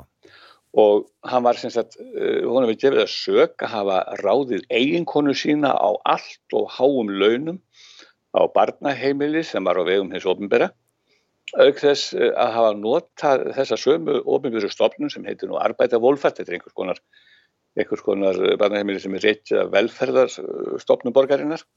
Og hann var að nota þetta sama, þessu sömu ofnbyrju stofnum til að sapna fyrir í kostingasjóðin sinn á sínum tíma gegn því að stofnunni nýtti svo sérstakra fríðinda í staðin og eh, neytaði öllum þessum ásökunum og vittna leiðslur í þessu máli, það er hóðust núna um miðan oktober og eh, ekki alveg ljóst hvort eh, málaferðlunum líkur fyrir jól. En eftir að þessi málarekstur allur saman hóst þá samþýtti borgarstjórnin í Frankúrt að vika Feldmann og ennbætti. En hann neytaði því að fara og, og þess vegna greip uh, borgarstjórnin til þess ráðs að nýta sér ákvæði í lögum sem segir að slíkum tilvikum eins og þessum þá sé hægt að efna til almennara kostninga í borginu það hvort yfirborgarstjórn eða fara eða vera. Og það má reynda að bæta því við að á síðustu vikum og mánuðum hefur nú uh, aðeins best á syndalista Feldmanns því að hann hefur jafnframt verið ávítur fyrir önnur afglöp, þetta er ósamilega hegðun, meðal annars fyrir að vera mjög grófistur í garð flugfræja í flugvél þegar hann var að fljúa með hótballtaliðinu og voru hann eitthvað að klæma stálpattin í, í, í hljóðnum hann í, eða sem sagt í hátalega kerfi í flugunum, þetta var mjög sérskennilegt mál. Okay. Uh, mögulega, að þess að að fullur eða þá hefur kannski eitthvað áfengi verið það í spilinu og svo var sagður að hafa hafið þessu mjög kjánalega þegar að fólkballaliðið hans heimaborg, Eintrakt Frankurt, kom með byggarinn heim á dögurum og fagnaði sigur í Evrópakefni mestarariða á svölum ráðhúsins Raumer í Frankurt. Þá uh, voru myndir síndar af því þegar hann greip allt í byggarinn og hljóp með hann eitthvað í þannig að það er þessi svolítið kjánalega að væga þetta. En um helgina þá greittur svo Frankurt búið sem sagt atkvæði um það hvort hann ætti að fara eða vera og niðurstaðan var svo að af þeim rúmlega 200.000 íbúum sem mættu á kjörsta þá vildi 95 af 100 að Feldmann færi. Það er mjög afgerandi. Eh, það er mjög afgerandi og Frankur svona til uh, skilnins auka þá búa um 750.000 manns í Frankút að staðaldri. Það er að segja tvöhuld íslenska þjóðin þannig að Frankút er með starri borgum í nú fimmta stærsta borgin í Þískalandi og hún er öfverulega starri heldur íbúið þannig að segja til um í áttunum heima þetta sjálfur í mörg á því að það er sagt á hverjum degi vegna mikill að samskipta borgarina við útlönd og sömulegis vegna um, fjöldar þorpa og smæbægi í kring að þá sé sem sagt uh, alltaf rúmlega ein miljón manna í borginni. Mm. en allavega þá sem sagt var þetta eins og segið þetta var alveg mjög skýr meiri hluti þarna. Og uh, það er mjög forvitilegt má segja að þessi varnafni skuli vera til lögum þar að segja að stjórnmálumæður fer út af spórinu og gerir sér sekan um alvarleg misfelli í starfi, starfi þá getur borgarbúar einfallega vikið úr starfinu. Og það þarf til þess að þetta sé hægt þá þarf þurfa 30% kjósend að segja já. Og þess vegna var svona spurningin munum nóg að margir mæta á kjörstað til þess að þetta verði gild kostning og ef ég, ef ég telst rétt til þá munum eitthvað 150.000 manns hafa þurft, 150.000 manns þurft að greiða aðkvæði en, en það mættu rúmlega 200.000 á kjösta þannig að þetta var kannilega kapsmál fyrir fólki að koma um í burtu og, og gera kostningur að bindandi og þannig að þetta er, þetta er svona, já, kannski eitthvað sem að mætti svona í sambandi sveitastjórnarlegu á Íslandi hvort það þetta er þar til staðar eða hvort hann hættir að taka þetta upp á þess að vera nú að fara kannski mjög náðu út í það. Já, það er rétt. En uh, það er ekki oft sem að þessu er beitt eða? Nei, það er mjög sjálfgeft og uh, verið mjög sko fátíta menn séu ávittir svona harkalistar og auðvitað var það málaresturinn gegn hún. Það var höfða mál gegn hún fyrir misferðli, alvarlegt fjálmála misferðli og fyrir að hyggla eiginkonu sinni sem þá var reynda kærastan hans á þessum tíma Uh, með því að láta hann fá vinnu uh, taka hann fram fyrir læra og greiðinu miklu hærri laun heldur en að hún átt að fá. Mm. og svo náttúrulega að nýta sér þessa stopnum sem hann réð hana til til þess að sapna í sín eigin kostningarsjóð gegn því að, að stopnunum fengi svo meira af uh, almanafíði í staðin og þetta er náttúrulega, þetta voru mjög alvarlega rásakanir, það sem kom til viðbótar var svo sem bara til þess að fylla mælinn og hann kom sem burt uh, borgastjóri í tíu ár og uh, lengi í pólitík áður en hann var borgastjóri uh, nokkuð vel liðin maður er það ekki lengsta fór hann svo bara út á sporinu? Gerðist eitthvað, veistu það? Já, það er sko eins og ég segi, ég ætlum ekki að fara að greina hans uh, hugarfar eða allra síst hans ástamál en eitthvað verðist nú þessi þetta samband sem hann fór í hérna við þessa konu, það var rugglaðan í rýminu og hann ákveði að gera meira fyrir hann heldur en góðu hófi gegnir. Og en hann var hins vegar, eh, já já, hann var vel í starfi, ég maður nú vel eftir því þegar hann tók við starfi á sínum tíma fyrir tíu árum af Petru Róð sem var alveg svak fín og vinsætli yfir borgarstjóri. Hún var að vísu kristilíu demokrat en hann er uh, jafnaða maður og hann er sem sagt í var fulltrúi jafnaðamanna og er jafnaðamanna floknum og nú er verið að velta því hvort það er rekan og floknum, það er ekkert mál í gangi það líka en, en hann var vel liðin og þetta var geðslegasti maður svona í vikinning og hann kom vel fyrir, hann reyndi að gera og gerði heilmikið fyrir eh, þá sem að minna máttu sín í borginni, hann, hann eldi til dæmis matagæfi til fólk sem að uh, vantaði mat og átti ekki til hýfs og skeiðar og, og hann var að hjálpa lítilmagnanum og hann var mjög svona, hann gerði sér farum að ganga bara í hús og hitta fólk og sagði ég vil ekki að fólk sé að koma til mín alltaf í ráðhúsi, það er erfitt og lappaði bara á labbaði bara um hverfinu og svona, það var mjög alþýðlegur og afskaplega, afskaplega velíðin og þess vegna kom þetta svolítið óvart og eitthvað hefur kannski, hefur kannski þetta ástafsamband við skonuna sett hann út af læginu eh, að það sem það getur fullist að, en svo náttúrulega þetta með eh, setni ásakarinn það þegar fór allt í una að hálfpartin að klæmast þetta í flugvillinni, greip uh, hljóðunemann og fór að tala í, í hérna, háttalarinn í villinni með eitthvað svona létt klámíkar flugfræðana og svo þegar hann þreif byggarinn af leikmönnum Frankúrt, Eintracht Frankúrtliðsins þetta voru uppáttæki sem að mögulega hafa líka með að verið einhverjar sveplur eftir því sem ég kemst næst í þessu ágæta eh, hjónabandi sem setna var þannig að það er, það er eitthvað við að gera eftir skóna að persónuleg eða enga mál hans hafi gert það verkum að hann hafi farið út af spórinu Já, Já.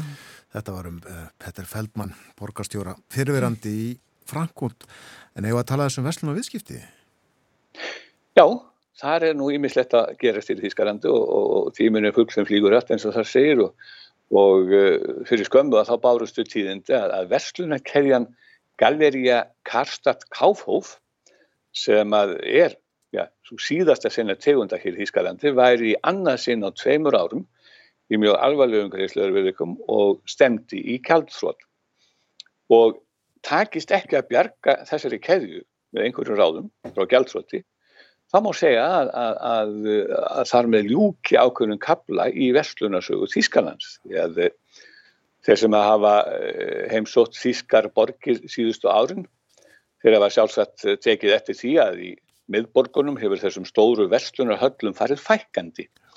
Ef við förum svona 20-30 ára aftur í tíman að þá blöstu þessar vestlunarhallir eh, sem ég minn setu hert í Káfóf eða Karstad við þeim sem gengu um vestlunargötur miðborgana og sögu þessara verslunar keðja má reyka alveg aftur til upphaf síðustu aldar, þessu upphaf stuttustu aldarinnar. Uh, að, og þessar þessa neysluhallir hafa lungu verið kallaður svona nútímans tákn.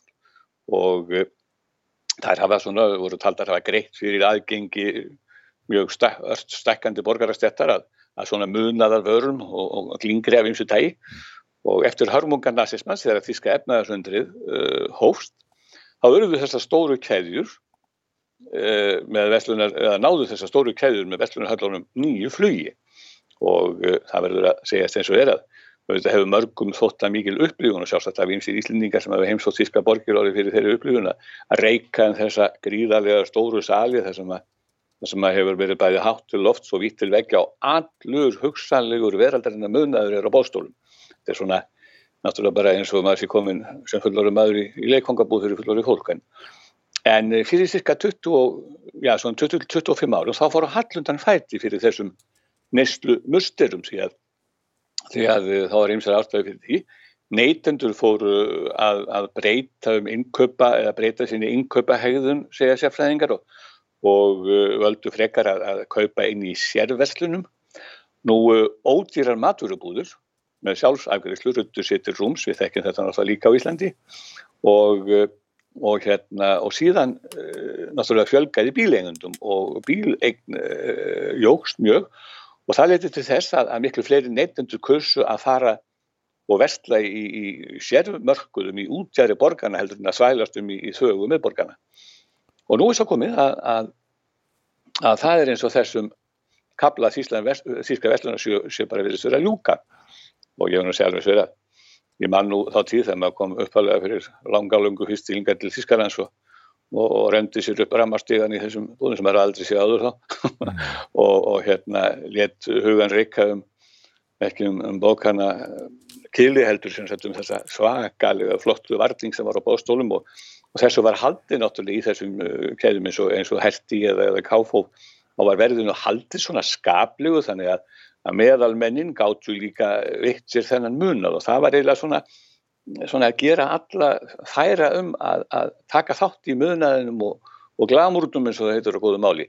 Það var svona svolítið eh, svona filosófían á bakvið, á bakvið þessar hallir, þessar neslu hallir en, en núna semst að uh, verður þessar, verður þetta dæmi sem að, og þetta er voruð þetta snar þáttur í, í lífi eftir síðust ára kynsluðana í Þískalandi og eh, settu mjög mikið svip á miðborginnar og núna virðist þessari sögu bara vera að ljúka. Samfélagslega breytingar uh, verða þessum vestalannahöllum að bana, má segja. Já, segja það. Ef að tala svolítið um menning og listir í lókin. Já, uh, það er ekki alveg út í þetta að fara að gera það núna vegna þess að ég var fyrir mjög sérstaklega upplifun hér í, í síðustu viku og það hafði nú ekkert með vestlunarhaldar að gera heldur þetta móti að annars konar höll þó eh, höll sem að í dag heitir Humboldt Forum og er hér í, á stóru svæði í miðborginni, eða mitti og þessi þessi staður á sem mjög langa og merka sögu. Þetta er í rauninni á eigu í, í, í áni sprið sem er henni hindi gegn Bellin og, og þar hafa staðið nokkri kastalar á leðnum völdum og eh, verið byggt merk hús alveg, því að það stóð fyrst Dominíkana klustur á miðöldum og síðast stóða þessum reitt uh, svo kalluð hérna alþýðuhöll, líðveldishöll við getum þetta svo, Palats de Republik sem að Östur þjóðverðar lítur byggja á sínum tíma í, í alþýðu líðveldinu en hún var svo jöfnu við jörðu uh, eftir að Þýskur ríkisaminust og þá var þessi nýja höll byggð, Humboldt Fórum sem að er eh, kastarabygging á alveg svakalega stóru mikil og þetta getur gert þeirra á 5500 fermetra síningarými notið all, allskynns síninga og menningarviðbörða síningar sem er helgað með sögu mannkynns og einstökum heimsálum og, og, og svo er þetta alveg merkjar markmiðluna síningar sem að einður tengist og sögu og sérkennum Berlínar og þetta er í einu orðið sagt sem að gengur þarna inn. Þetta er eins og að koma bara inn í undra heimin í töfra veröld og uh, það tekur ábyggilega dag eða tvo daga að skoða alltaf síningarnar í þessu lista á menningasetri en uh, ég festist algjörlega á síningu sem heitir Belgin Global. Og uh, ég verði að segja að ég hef komið á marga síningar um dagana, þetta er einhver áhrifamesta margmiljöna síning sem ég nokkuð tíma komið á.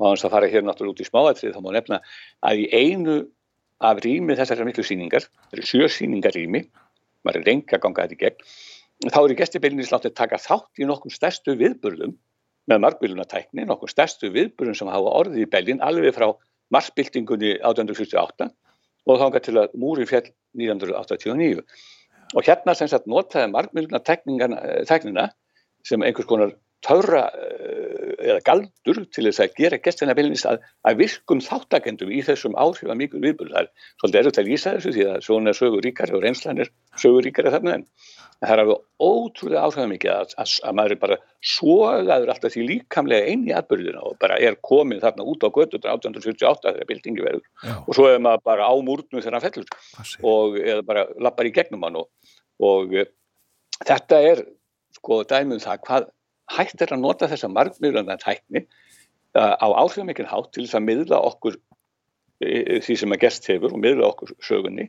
og uh, þarna eru þauður að koma gríðarlega langt og ég er áleik öllum sem er leitið beilinar að láta það ekki framhjá sig fara að heimsækja Humboldt það er nýbúið, nýbúið að opna þetta þetta var opna bara núni í september fyrir almenninga því þetta var svona lokkaði í, í COVID-inu, í faraldinu en þetta er alveg svakalega magna hvernig tækning getur bara fært mann inn í liðna tíma og gert mann þáttakanda í þeim.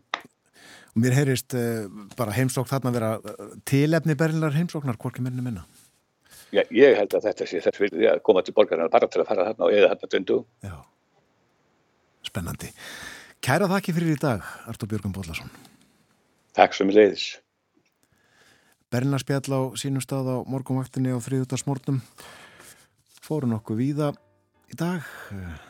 Já, áhugavert hvernig þau gerðu þetta hann í Frankúrt, losuðu sig við borgastjóran sem hafi farið út af spórinu að rugglaði steilega, má segja. En uh, í síðustu viku þá töluðum við aðeins um fótbolta, þetta fótboltafélag Union Berlin sem var þá á toppnum í Þísku búndeslíkunni eins og hún heitir. En uh, fór illa hjá Union um helgina heldur hefði tapað 5-0. Það líður að frétta yfir liti hjá okkur, kemur eftir 5 minútur frá fréttastofinni og uh, eftir það ætlum við að tala um já, mál málana, má segja.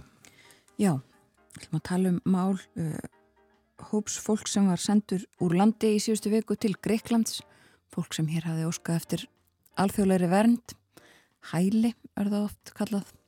Klátja Vilsson, lögmaður, verður með okkur hér eftir nokkra mínútur og við ræðum þessi mál.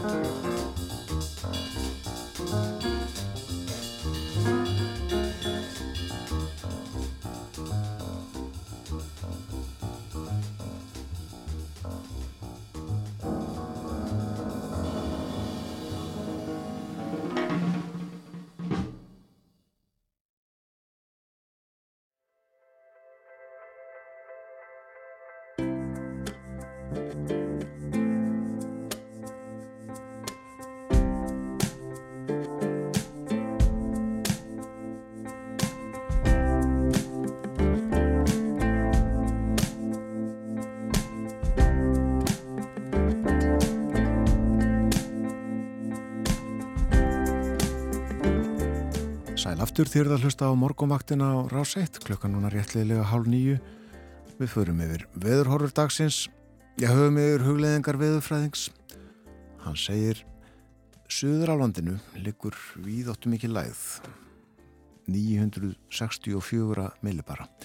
Og hún færir okkur stífa norð-austanátt í dag með vætu víða en það verður þurftum landið suðvestanvert og líklega bjart á köplum og vindurinn nær stormstyrk á suðaustanverðulandinu og þar er gul viðurinn í gildi og gildir fram á kvöld. Getur orðið bálkvast 35 metrar á sekundu í kviðum á sumum stöðum. Og á morgun þá bæti svo í vindi norðvestan til og verður all kvass eða kvassvindur þar. Ekki bara á morgun heldur líka næstu daga og með slittu í ofanálag. En hægari vindur annar staðar við að væta þó Hitti í dag að sjöstegum og uh, það verður sjöstega hitti um það byl viða um landallega næstu daga en svo hlínar á sunnudagin og ég sé ekki betur en að þá verður kannski 11 gráður í Reykjavík eitthvað svoleiðis en á sunnudagin mun regna hressilega síteis allavega. Þetta var um veðrið og uh, frá vegagerðinni er það frétta það er hálka víða á fjallvögum og heiðum til dæmis á Stengriðsfjörðarheiði Þröskuldum, Dinnelisheiði, Haldón og uh, það er hálka á fjörðarheiði og uh, mjóafyrði svona svo dæmið séu tekin.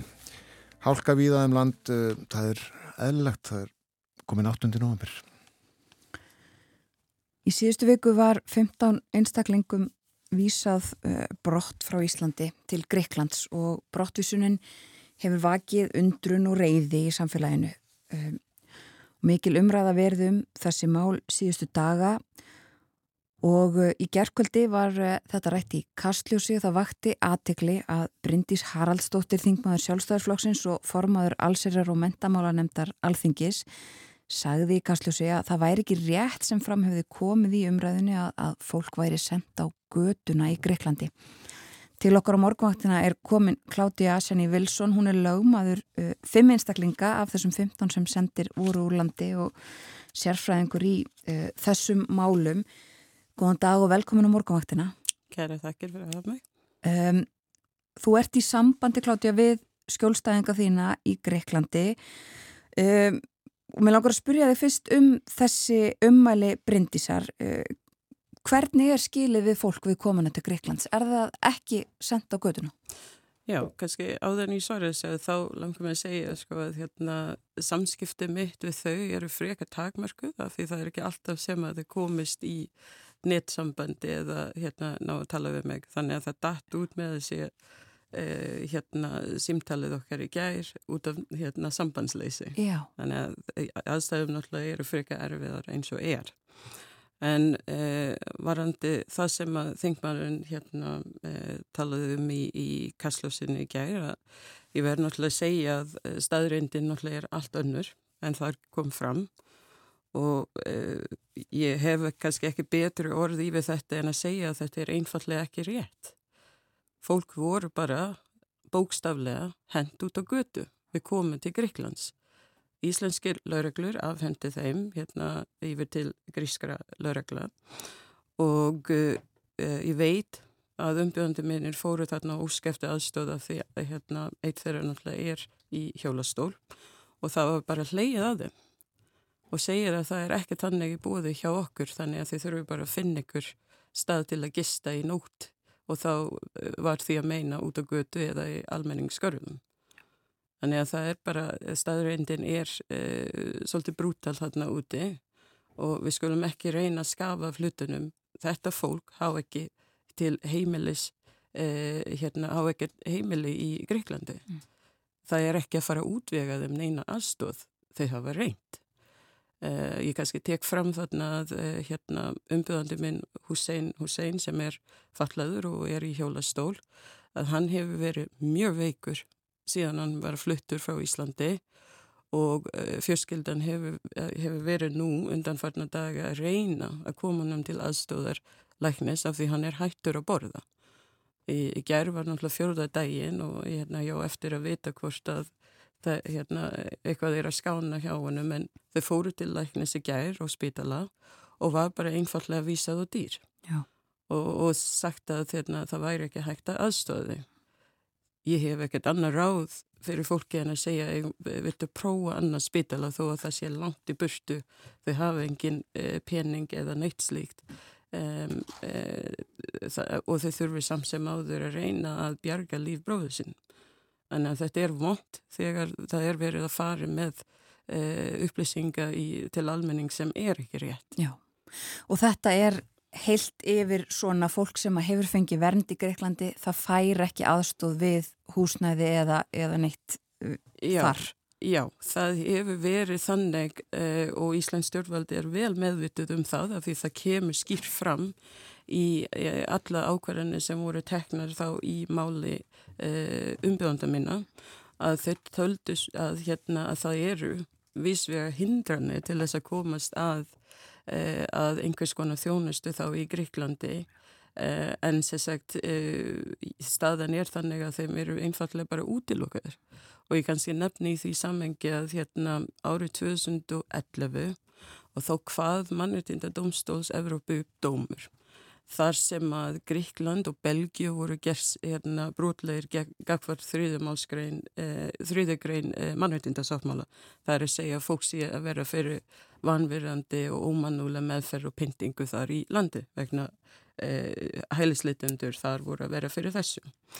Þannig að hjá, hjá grískum stjórnvöldum hjáleið frá þessu hafi verið svo að afgreiða fljótt umsóknir um alþjóðlega vend og veita allir vend og þá segja þau að þau hafa sömu réttindi og okkar ríkisborgarar en samsem lögum samkvæmt en ekki í raun.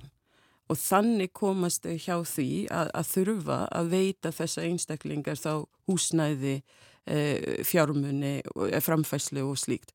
Þannig að fjóskildi eins og Hussein Hussein, e, þau fengu vend fljótt af því að þau vildi losna við þá skildu að þurfa að aðstóða þeim frekar. Mm. og um leið að þau fengu vernd að þá voru þau vísað út á guttu og þannig er það þegar þau eru endursend.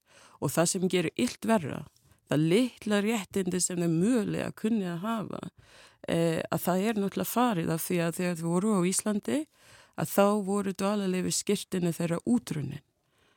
Og það þýðir að þau, þau fá bara aðgengi að neinu Já. Þess vegna er eins og ég síndi þér þetta vídeo sem að þeir sendi mér þegar hann var vísa á dýr. Þeir hafa engar rétt á neinu, ekki einu sinni til að fá hérna verketöfli. Já, um, og þú, sko það sem að líka hefur auðvitað vakið aðtikli og reyði í þessum málum er að meðal annars allavega þínir umbjóðendur eru með mál fyrir dómstólum. Það er ekki útséð um uh, hvort, já bara hvernig fer í þeirra málum mm -hmm. en enga síður þá eru þau flutt hérðan í mhm. burtu. Mm. Og setna í dag veit ég að þú ert að fara uh, í hérastóm þar sem að verður rætt um þessi mál. Mm -hmm. um, hvað gerist í dag? Verður uh, ákveð? Já, það að minnst okkosti verður náttúrulega komin uh, afstafa Já Íslenska ríkisins um hvort þau ætla uh, að hérna, veita fólki tækifæri til þess að taka þátt í, í máli sínu. Um, það er uh, náttúrulega partur af því að tryggja fólk réttláðlega málsmeðferðar og aðgengja domstólum að þau geta uh, tekið þátt í því og, og upp í þessu máli er náttúrulega gríðarlega sérstakar aðstæður. Hussein Hussein til dæmis, það er ekki hægt að tala við hann í gegnum síma eh, hvað, eh, hvað þá með hérna eh, millitúlkur eh, það, það þarf tólk til að setjast hjá honum og tala við hann eh, og tólka fyrir hann og, og það er náttúrulega þannig þingmál er íslenska þannig að það þarf líka að tólka það yfir á íslenska fyrir dómara mm. Þannig að þú sérðu að þetta er náttúrulega gríðarlega erfitt og við vitum ekki átjönda hvar maðurinn verður þegar þessi aðal meðferð er. Þannig að lámarki e, ef að við ætlum sér sagt að tryggja það að við erum að gæta okkar e, skildu hvar þeim alþjóðlegum skuldbindingum sem við höfum tekið eða skuldbart okkur til að framfylgja um, að, lámarki að gefa maðurinn tækifæri til þess að koma fyrir dómi og skýra málsitt þetta er náttúrulega hans framburður og þeirra framburð þeirra öll er líkil sannunagögn í, þessum málum. Já, Já og, og uh, það hefur komið fram að uh, dómurinn fór fram á það að ríkið uh, tæki afstöðu til þess hvort að það ætli að flyti hann þá aftur til Íslands til þess að hann fái að, að tala. Rétt. Já. Eh, sérstaklega með tilliti til þeirra sérstaklega aðstæðuna sem eru upp í þessu máli. Já, já. Um, Kláttu tölum aðeins um brottflutningin mm -hmm. í mhm. síðustu viku. Það hefur þetta, svolítið verið talað um þetta og, og fólk sá aðfarinnar og, og mörgum ofbauð mm -hmm. þær. Um, það var ímislegt þarna sem að, og svo hafa einhverju ráð þeirra sagt, jú það þurfa að fara yfir þessa framkvæmt, lauröglan hefur sagt það líka, hún fagnir því að það sé verða fylgjast með störfum og svona, þú auðvitað e, varst og ert e, lögmaður fólks þarna, hvernig, hvernig blasti þetta við þér? Já, e, það er náttúrulega ljóst að hérna framkvæmt brottflutning var, var hérna fyrirvara laus og það gaf engin tíma til dæmis fyrir umbjöndum mínum hérna, uh, til að leita til mannreitinda domstólsins til að fá uh, bráðabýra ákverðinu på að stöðva aðgerðina. Þetta er lagalega úræði sem að þeim eru treyð en vegna upplýsingaleysis frá íslenskum stjórnvöldum sem vildi ekki upplýsa mig um neitt ekki einu sinni hvar e, þau voru sér sagt með þeim í gæsluvarhald eða eftir aðvikum hverjir voru hérna í fangaklefa. Um, e, það er náttúrulega ljóst að þau voru sviftir þarna hérna sínum frelsi þarna kortur fyrir þetta e, dómsmál og ég sem lögmaður þeirra náttúrulega á rétt á því og þau eiga rétt á því að geta rætt við lögmann sinn. Þetta gerðist ekki. Uh, ég ídrykkaði hérna bað lauraglanum að uh, leiðu mér að tala við umbjönda mína, fá tækifæri til þess að hitta þau og það eina sem ég fjekk var bara uh, mér að sagt að, að yfirmaði stóldildum mun hafa samband við þig, meira get ég ekki tjá mig um, ég er bara að fara eftir fyrirmælum og þau vildi varlega tala við mig. Svo hérna rétt fyrir miðnæti að þá fjekk ég og, og á þeim tíma var ég náttúrulega í blutlandi tölvupóðsamskipti að minnst okkurst ég að reyna að fá einhver til að svara eh, við lauruglunar hérna, eh, um hvar fólki væri niður komin og eh, ítrykka það að ég þarf að hitta þau og tala við þau og það bara gekk ekki.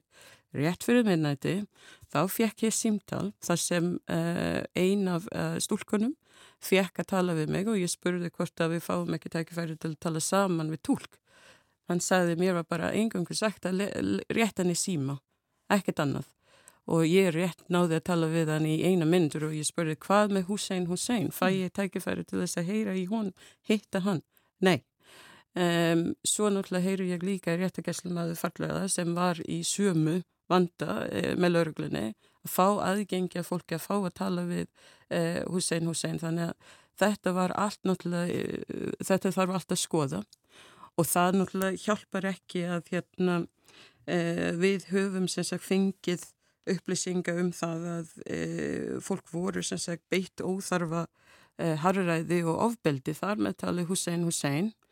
Og ég, ég ætla rétt að vona að lauruglun voru með myndavélarni sína kveik, kveiktar á, á, á þessum tíma að því að þannig munum við tryggja náttúrulega því rétt á sanna komið kom í ljós. Umbjöndu minn Sajjad sem eh, ég skildist þarna eftir á því ég fekk ekki upplýsinga um hvað hann væri, að hann væri náttúrulega í fangaklefa og óskaði eftir vatn og húnum var neitað með þessi hérna, einfalt og lítil hluti eins og að fá vasklas því að þú ert búin að vera með einstaklingur í fangaklefa í marga klukkutíma og húnum var neitað. Hann óskaði eftir að tala við lögumann sinna og hún var neitað. Þannig að þetta náttúrulega má segja, e, það er margt sem þarf að skoða og sjálfsögum minn umbyrðandi mínir leita réttið síns vekna þess aðgerður stjórnvalda. Já, e, þú nefndir einmitt myndavilar lauruglunar, það hefur verið sagt að það hefur ekki verið kveikt á þeim til dæmis allan tíman. Um, sko, er það ekki sérstakt? Eru þessar myndavilar ekki einmitt til þess að það sé hægt að upplýsa um allt sem að fer fram í svona uh, aðgerðum? Uh, maður myndi halda það að þetta náttúrulega eins og ég segir það er náttúrulega gagkvæm trygging þá í því bæði fyrir einstaklinga sem er að sagt, hérna segja að þeim hafi verið misnotað af halvu lörglega eða beitt ofbeldi að en þá er náttúrulega spurning um það sem sagt E, það var talað um náttúrulega emitt að, eins og þú segir að þessi myndavelar voru ekki kveiktar mm. allan tíma e, og við sjáum það líka störf náttúrulega e, fréttaflutningsfólk voru truplað þarna e, þannig að sagt, þegar við kannski skoðum þetta heilstækt maður má spyrja sig hver var verið að, að vernda með þessum eh, framkvæmda eða þess var það framkvæmda aðla sem verið að venda með þessu? Af hverju þarf að fela allt þetta fyrir almenning? Já. og eh, það er náttúrulega hérna marg sem hefur komið fram aðna sem er bara beinlennis rámt um staðreindir máls í þessu og, og af halvu yfirvalda sem að ég er náttúrulega er frekar neyksluð yfir að þetta sé að gerast. Þannig að uh, þetta er náttúrulega Um, þetta er náttúrulega eitthvað sem við þurfum að skoða alls saman. Mm. Þú nefndir einmitt á þann að lauruglumenn hefur sagt að þeir væri bara framfylgja skipunum sko mega mm -hmm. og geta lauruglumenn neita að taka þátt í svona aðgerðum og kannski framhaldinu einmitt að því þú nefnir þetta með Ísafja mm -hmm. má lauruglan skipa til dæmis starfsfólki Ísafja að e, hindra störf fjölmila. Þetta er náttúrulega eitthvað sem þarf að rannsaka uh, hérna eins og ég segir veist, við erum með frjálsa fjölmila hér á Íslandi og þetta er náttúrulega stjórnaskrávarinn rétt uh, hérna sem er verið að koma í vekk fyrir þarna þannig að þetta er náttúrulega allt sem uh, verður að taka til skoðunar mm. og hvað umbyrðandi mín var það er náttúrulega ímislegt sem tengjast á þeirra aðgerð sérstaklega Eh, með höndlin umbjöðandum minns Hussein Hussein sem er fallaður, þetta er allt eitthvað sem þarf að skoða. Já, fjölmart sem þarf að skoða, sem sagt í þessu Og með ólíkendum að, að það má segja þú veist að jötna, e, í gegnum þessu öllu saman að engin meðalhóf var gætt.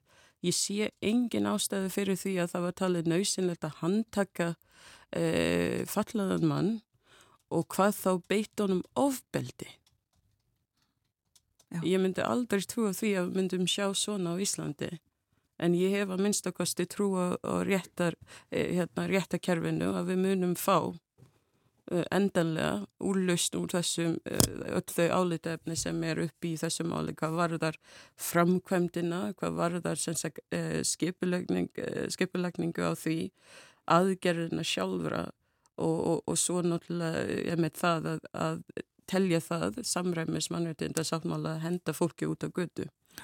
Um, ég get sagt það að þegar við sóttum um hérna uh, bráðabyrða uh, ákvarðun mannveitinda domstólsins Evropu uh, oftast erum mál vísa frá að því þau eru sem sagt, hvað maður kalla svona illa ígrunduð eða unfounded en í þessu tilviki að þá tók mannveitinda domstól sérstaklega fram að þau eru engangu að vísa frá að því að velin var farin þegar hérna beðni bastum en, en þó að við sendum þeim náttúrulega um miðan ótt mm -hmm. en sem sagt það velin var farin klukkan 4.55 skils mér en þau móttökuða hins vegar klukkan 7 að, að frönskum tíma þannig að þetta er alveg ljóst að það var reyna og, lögreglum var meðvitið um allan tíma að þessi beðni var farin út áður en velin fór mm. þannig að þeim lág, þeim lág svo mikið á að minnst að leifa það ekki einu svona býða eftir niðurstöðu mannutunda domstólsins í þessu máli.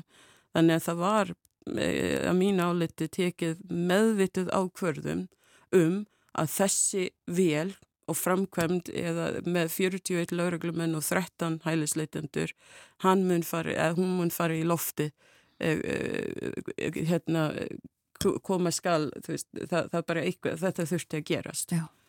og þá er bara spurningin er þessu af hverju? Hvað var meðalhófi í þessu öllu saman? Og það þarf að leita svara við þessu og það verður gert. Eins, já. já. Um, og um, bara rétt í lokin á sömu nótum og við, við hóum þetta spjall það sem sagt, eh, er þannig núna þínir umbjöðundur og væntanlega heitt fólki sem var uh, sendt hérna í síðustu viku það er uh, ekki í úrræðum í Greiklandi eins og haldið var fram uh, í gerðkvöldi, það er uh, vandalust og ánhjálpar í Greiklandi. Ég get staðfest að enginn mínum umbjöðandum er í úrræðum mm. hérna í Greiklandi sem er búið upp á fyrir þau þar eða ekki búið upp á fyrir þau, það er, það er ekkert í búið. Takk fyrir að koma til okkar á morgunvaktina, Klátja Vilsson, lagmaður. Takk fyrir.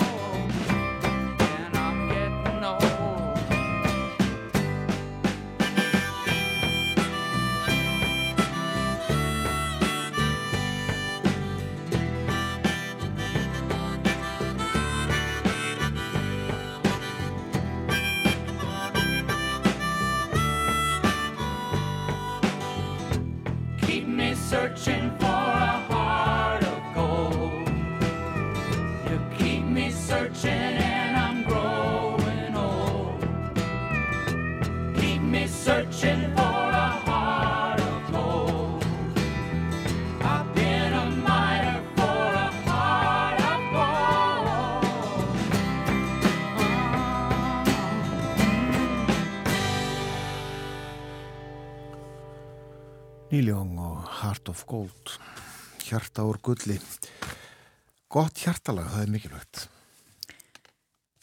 Sannarlega. Uh, morgunvaktin er lokið þannan þriðutarsmorgun. Síðasti gestur okkar var Kláttía Asjóni Vilsson. Hún er lögmaður fimm einstaklinga sem var vísað hérðan til Greiklands í síðustu viku. Við rættum um þau mál hér síðustu mínútunar. Þetta er með lokið, klukkan alveg að verða nýju við höfum sett þér síðan fyrir sjö í morgun og verðum hér aftur í fyrramálið vitaskuld. Björn Þór og Þórun Elisabeth þakka samfélgina Verðið sæl.